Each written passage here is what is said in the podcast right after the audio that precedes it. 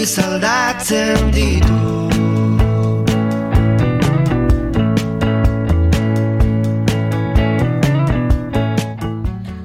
Hernanin zabaldu berri duen erakusketa bat izan da, urrengo gonbidatuari bigarren kafera etortzeko gonbitea luzatzearen arrazoi temporala. Baina denbora generaman, berarekin solasaldi bat izan nahian. Kazetaria eta antropologoa da, eta bidaiari deitzeko lizentzia ere, akaso hartu dezakegu. Ez du motxila goraino beteta eramaten. Beti uzten du lekua bidaian zehar pasatzen dituen lekuetako pertsonen istorioak, bizipenak, esperientziak eta hainbatetan injustiziak ikusi eta jasotzeko eta pilatutako hori gure eskura jarri izan du formatu ezberdinetan.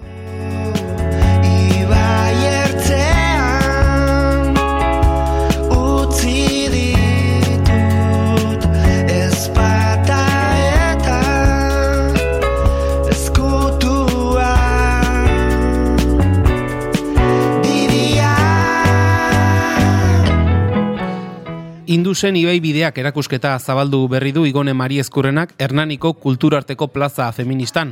Pakistango aldaketa klimatikoa eta emakumeak ditu ardatz eta otsailaren hogeita zortzira bitartean egongo da ikusgai. Hortik abiatuko gara eta ikusiko dugu, izketaldiak nora eramaten gaituen. Igone Mariezkurrena, egun honetan ongi etorri bigarren kafera. Egun hon, Zer moduz gara? ongi, ongi, Ongi. eta pozik, eskerrik Bueno. asko zuenean hartzagatik. Bueno, e, Igone ikusi duzu hemen maite duta, maite dut kontatzen aritu gara, horrela bote prontoan, ze maite du, ze, zer ez du maite, Igone Mariezkurrenak. Tira, ba, behar bada, ekarren hauen gaiari oina jartzeko esango du kazetaritza maite dudala, behar bada. bueno, balio, balio du, ezta? Bai, ez genuen zalantzarik, baina bai iztapenak edo konfirmazioak nola baite balio du. Bai, bai. Bueno, egon esan dugu, kazetaria, antropologoa, bidaiari deitzeko lizentziari hartu dugu, ez da, asmatu ote dugun, hirugarren e, izendapen horretan. Bidaia maite duena behintzat bai.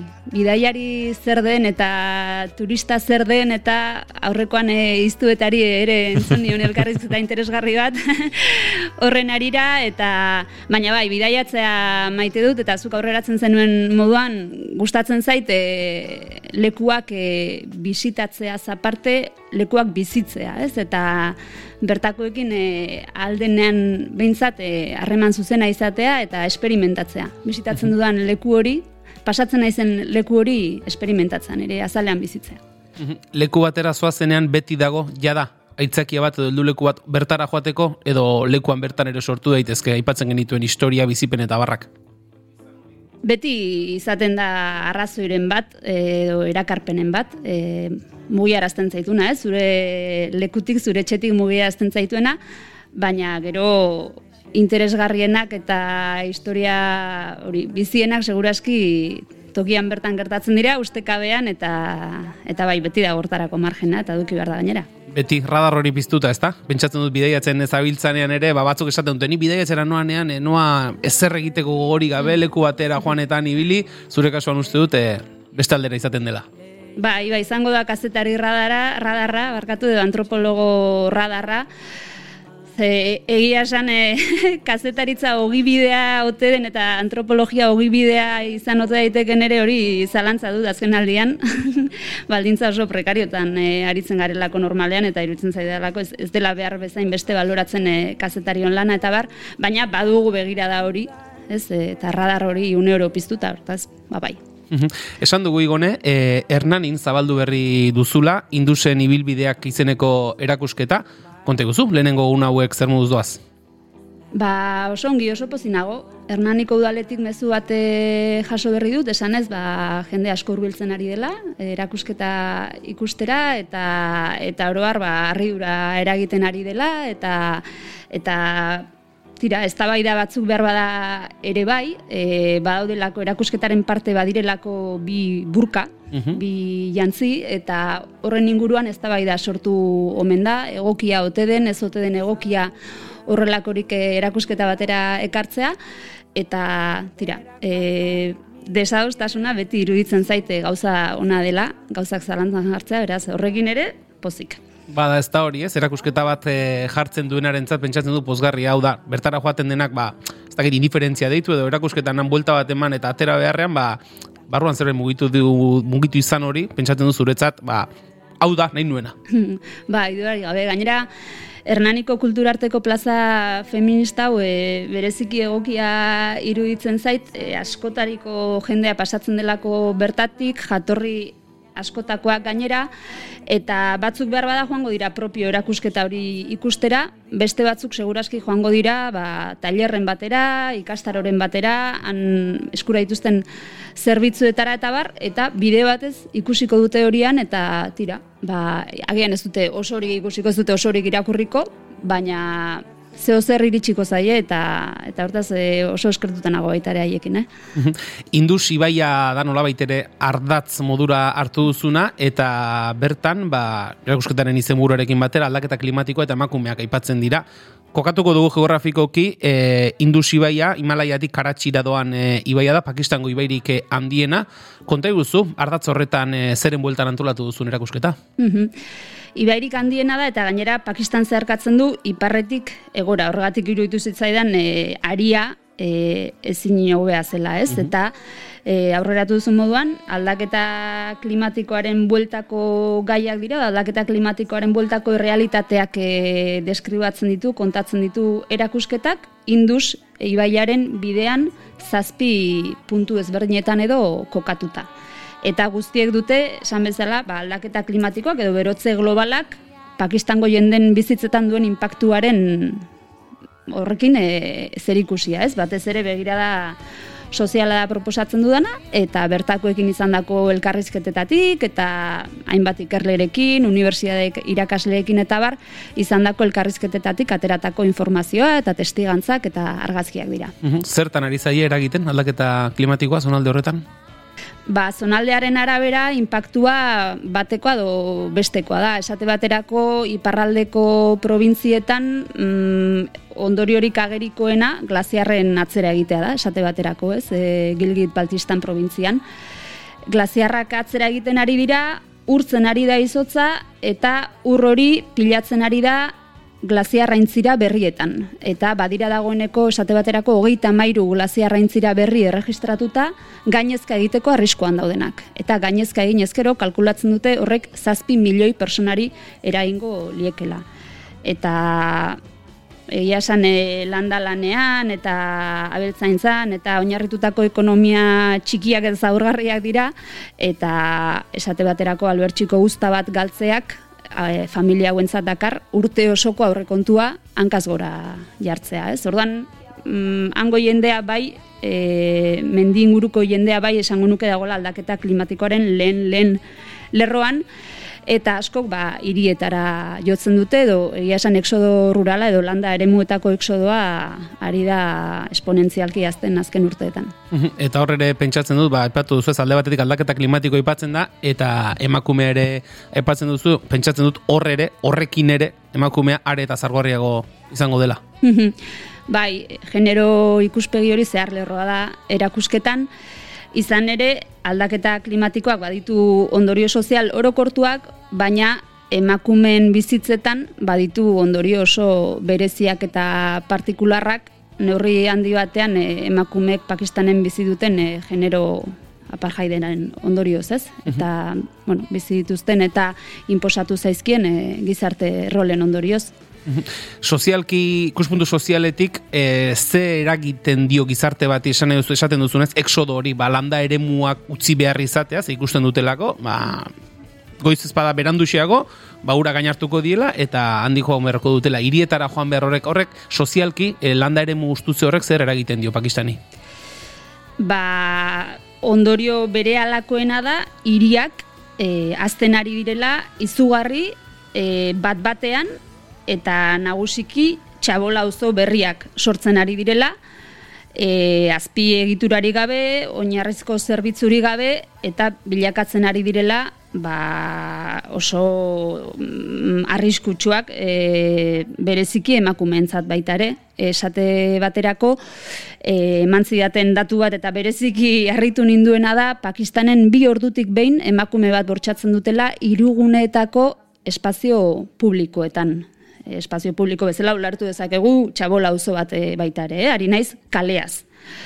Hortaz, e, bueno, hiri hauetan e, sortzen ari diren bizi baldintza prekario, pilak eta guzti honen ondorioz, pobretzearen ondorioz, ziurgabetasunaren ondorioz, ba, tira, aipatu zidaten baita ere, badagoela e, drogomenpekotasunarekin e, arazo bat, azten eta azten ari dena, landa ere muetatik hirietara etortzen diren personek, nagusiki adin hartaineko gizonak izaten dira, bakarrik e, migratzen dutenak, eta izaten dituzten lan aukerak normalki izaten dira ba, garraiolari moduraritzea edo kalean e, obretan e, lanean eraikuntzan edo riksau gidari edo taksi gidari eta izaten dira amabost, amasei, amazazpi orduko lanaldi jarraiak. Eta askok ba, horri aurre egin izateko drogak hartzen dituzte, estimulatzaileak, eta hori azaltzen zidatenez, bada, mota guztitako indarkariaren e, katalizatzaile, edo, bueno, hori hori mugiarazten du, ez? Eta, eta beti bilatuko du, frustratuta dagoenak, beti bilatuko du, bera baina, beragoko konsideratzen duen norbait, bere frustrazioa horren aurka bolkatzeko nolabait. Eta Pakistanen ba, horiek eh, emakumeak dira.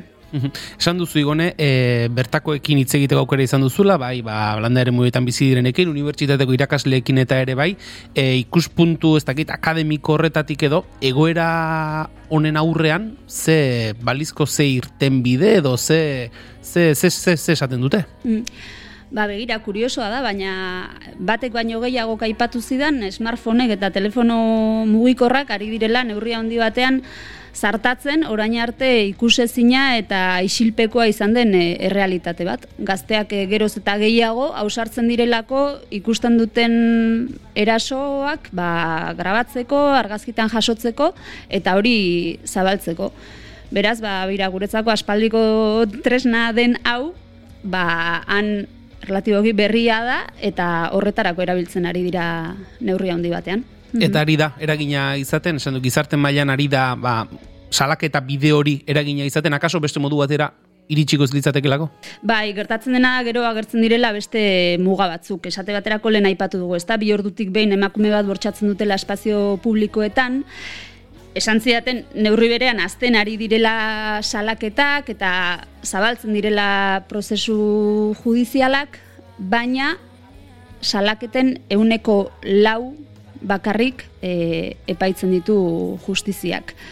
Zergatik, ba, prozesuak eh, izaten direlako oso luzeak eta emakumei, biktimei e, galdatzen direlako denbora asko, energia asko, dirua eta kasu askotan familiaren aurrean ba, haien begietan lotxazkoa den edo desorezkoa den zerbait eh, egitea, ez? Oker ezpanago igone, zu Pakistanen bin baino gehiagotan e, izan zara ustu du nola ere, ba, ertez berdinatik, ez trekin batean ere edo ibili zinela, e, egonaldi horietan guztietan, denbora tarte bat ere pasako zen, lehen da bizikotik e, azkenekora, bilakaera hori somatu duzu, orain e, industri bai bideak e, erakusketa honetan jasotzen duzun, ba, exodo hori eta gizarte eraldaketa hori ere somatu duzuzuk? Gertatzen dena da, e, bidai batean eta, bueno, guztira lau aldiz izan izan, eta egia da, bidai batean edo bestean, ba, inguruan izan dudan e, jendea eta jende mota oso desberdina izan dela, eta haietako bakoitzak egin dit bere ekarpena, eta seguraski guztien batuketaren emaitza da erakusketa hau, eh? baina Duzun bezala, lehenengo aldiz 2008an izan nintzen, ba, beste Euskal Herritar asko, mendizale asko bezala trekin bate egiten, eta hurrengo bi urteetan, neguetan zehazki, iruna hilabete pasatu nituen e, Himalaiako B kanpaleku batean, e, alpinismo espedizio bana, e, kubritzen edo kazetari lana egiten. Eta bekanpaleku hartan, pentsa ez, e, irunaia bete, binegu, ba, zenbat ordu pasako nituen nik e, hango sukaldariekin eta porterrekin eta, bueno, langile guztiekin e, izketan. Eta kontatzen zizkidaten e, sekulakoak, nugo naturaltasun oso, eta nik esaten nahi, ama, hau, nola da posible, ez, hain barneratu eukitzea, ba, nik zer dakit, e, feminizidioak, edo, edo adulterioa leporatuta, bikote bat akatzea, e, publikoan gainera, ez? E, jendaurrean edo edo Afganistanik zetorren e, opioari buruz ere hitz egiten zidaten edo hiriburuek irinsten zituzten e, senitartekoei buruz eta Tira, e, pentsatu nuen, jo, egunen batean egin beharko nuke, kazetari lana edo honetan sakondu beharko nuke. Eta hor geratu zen, hainbat urtez, ba, bizitzak eramaten zaituelako beste bide batzuetatik, eta duela urte terdi bi urte erabaki nuen honi berriz heltzea, eta ganora heltzeko, ba, hasi nintzen bilatzen beste perfil bateko jendea edo beste perfil bateko informatzaileak, ez? Ba, esan bezala, e, irakasleak, ikerleak, erakundetako jendea eta hoiek eman didate ba, beste diskurso mota bat e, eraikiagoa behar bada, datuetan oinarritatu oinarritutakoa barkatu eta guztia batuta atera dau. Nolakoa da prozesu hori gon esan erutzuk e, bere garaian lenda biziko bidaiaietan ja ba bilatzen zen dituen ez? E, haien e, testigantzak bizipenak zu zeuk ere ikusten zenuenarekin. Eta gero momentu bat iristen da esan den zuena berriz heldu behar diot honi Eta hor pentsatzen du garrantzitsua izango dela lendik daukazun harreman sare horretaz baliatzea berriz ere, ba, garai batean eh, ja akaso apur bat hautsak hartuta dagoen eh, harreman hori berreskuratzeko eta gero haien bidez eh, harreman bide berriak egitea nolako izaten da lanketa hori. Bai, esan behar du, 2008az geroztik, e, izan dudala ordenagailuan karpeta bat, Pakistan zioena, eta plana banuen hor, ez, e, noiz bait heltzeko, eta arrezkeroztik, ba, e, ez dakit, buruan nuen horri buruz, e, zeo zer interesgarria irakurtzen nuen bakoitzeko, edo dosierren bat, edo txostenen bat aurkitzen nuen bakoitzeko, edo nazio batuen e, urteroko txosten horiek eta bar, ba, venga, deskargatu, irakurri gorde, eta zorionez ere arduratu naiz, ba hasiera hasierako kontaktu hoiekin harremana ez galtzeaz eta eta galdetzeaz, ez? Aizue honi eta honi eta honi buruz hizketan egiteko gehiago jakiteko nor izan daiteke egokia eta bueno, mailinak mugagabe, euskalo zenbat, e, bideo deiak, bideo bilerak, e, nire burua aurkeztu, nor naizen, egindako beste lan batzuk erakutsi, bueno, egia esan, e, arazoa zenean eta landa lan egiten duzunean da nolabait eh, jokaldia errematatzea, ez? Baina benetako lan neketsua, mardula, e, aldez aurretik egiten da, eta baita ere ondoren, ez? Daukazun hori guztia, material hori guztia, e, nolabait modu ordenatuan e, aurkeztu behar diozulako hartzaileari. Zu galderak egitera joango zara, baina kaso erantzutera tokatuko zaizu, ez? Bate mate galdetuko dizu, ba benik, e, zurekin hitz egiteko, baina zuri nundi sortu zaizu. Honen, honekiko interesa. Bai, pila bat, eta batez ere askok, eh, emakume askok Pakistanen ez dutelako ulertzen zertan izan daiteken interesgarria ba, euren zate, mendebaldetik datorren e, norbaitentzat ba, bere bizitzan berri ez, e, jakitea zertan izan daiteken interesgarria. Bai, eta bueno, eta gero topiko eta neroriko naiz, eh? baina bai, ba, nolatan e, hogeita emezortzi urte bete izan eta ezkongabea, umeri gabe, bueno, hori klasiko bada. Horrelako herri aldetara zazen, hori klasiko bada.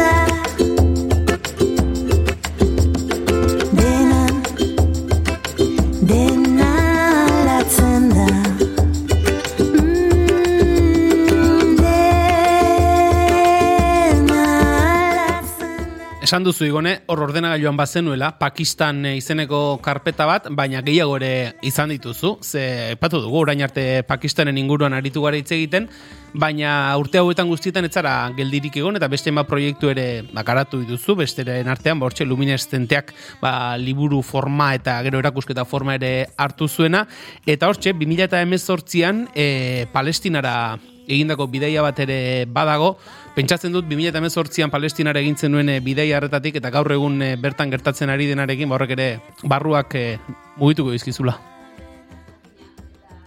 Askotan e, galdetzen diote nire buruari eta eta luminestenteak e, proiektuan e, eskuz esku e, aritu zen irantzu pastorre argazkilariari ere seguru buruti pasatuko zaio. Orduko hartan e, Zisjordanian ezagutu genituen asko bizirik egongote diren, ze egoeratan egongote diren, kartzelan egongote diren, kalean, etxean, nun egongote diren, ez? Bertan, 2018an, ba, nolabait ere alta mimi familia izan zenuten e, ardatz, eta orduan ere, ba, emakumeen e, inguruko, ba, takit, nola ditu, lanketa, edo emakumeen e, bertako egoera aztertzen e, aritu zineten, eta orduan, e, orduan jada egoeraren egargarria zen.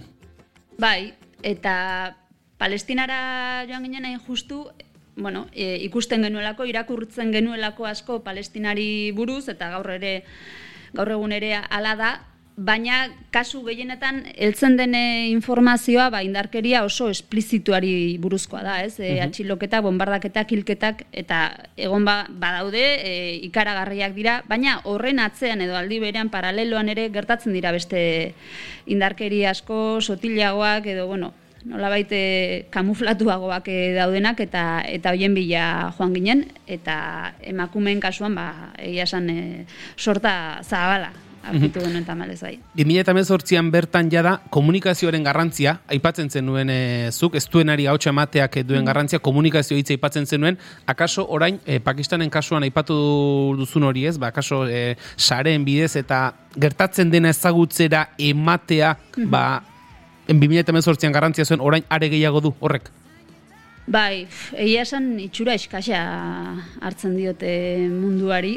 Aurrekoan esaten zen eh, Fermin Muguruza gerra usaia dagoela munduan eta egia da. Eta kazetariok behar bada badugu ardura txiki bat zentzu horretan eh, informazioa jo, humanizatzeko beharra badago, ez? E, beti esaten dugu badatuetan eta alakoetan ito gabe guazen kontatzera jendearen historia, guazen kontatzera jendeari zer gertatzen zaion munduan.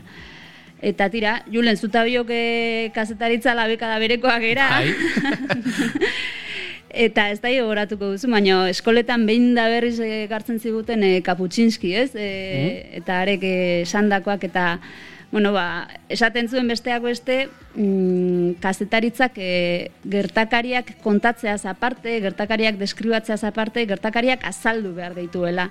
Eta horretarako ezinbestekoa dela bertatik bertara aritzea eta, eta kontatu nahi dugun hori bere azalean bizitzen duen personekin e, hitz egitea eta horren berri zabaltzea. Ba, ez dakit, behar bat, taladratu ziguten ura, hiltzatu zen nire barruan eta aldudan guztietan ba, saiatzen naiz hori egiten. engantzatu egiten du? Bai, bai.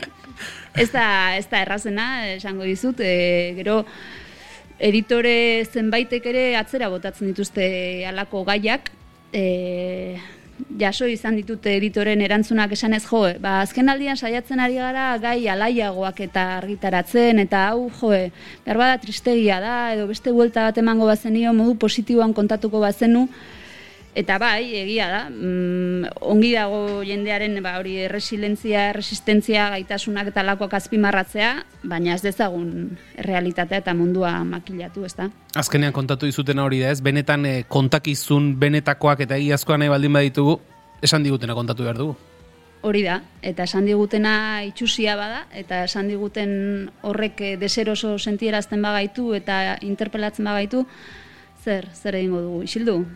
Zentzu horretan, igone, e, izan duzu, zakit frustrazioa deitu edo esan, jo, nik sekulako lana daukat hemen eginda, historia potente bada, eta izan duzun editoren aldetik indiferentzia edo horrek frustrazio hori sortzen du. bai, izugarria.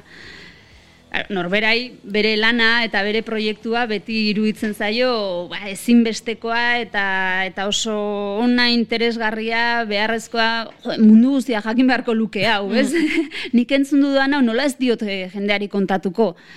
Baina, gero egia da, ba, editore askoke atzera botatzen dutela, edo are okerrago, ez dutela erantzuten. Edo, gizertakite, udaletara eta ere proposamenak bidali eta erantzunik eh, jaso ez. Tira. Indause, indusen ibei bideak erakusketa esan dugu, e, otxailaren hogeita zortzira arte, ezta? Otxaila osoan izango da... Hogeita bir arte. Hogeita bir arte barkatu, hogeita, otxailaren hogeita bir arte, ez dezagun hanka, hanka sartu. Igone pentsatzen dut, laikoa lanpetuta ibiliko zarela erakusketa honekin, baina zure buruak geldirik ere ez dela egongo. Zerbait aurreratu daiteke? Aurrera begira? Hau, hau e, programatzen hasi berria naiz. e, aurreratu dezaket e, apirila hasieratik ekaina hasiera bitarte erakusketa hau bera, lan hau bera Donostiako aieteko kulturetxean izango dela, Donostiapo, Donostiako giza eskubideen e, zinemaldiaren e, egitarauaren baitan, eta bestela julen, ba, beti mugimenduan. Hau egia esan e, ekstra bada, honetatik enaiz bizi, beste lan asko dauzkat, behar bada ez direnak hain e, interesgarriak, edo hain motibagarriak, kazetaritza aldetik diot, baina bai, beti, beti martxan, eta burua beti, beti amesten, eta beti mugimenduan, bai. Ba, horre balio du. Igone Mari Eskurrena kazetaria, antropologoa, eta gu lizentzia hartu dugunez, bideiari ere bai. Eskerrik asko, bigarren kafera hurbiltzagatik eta ea, ez den azken kafe izaten. Zuei, mi esker. Aitzetara Itxasargi lagune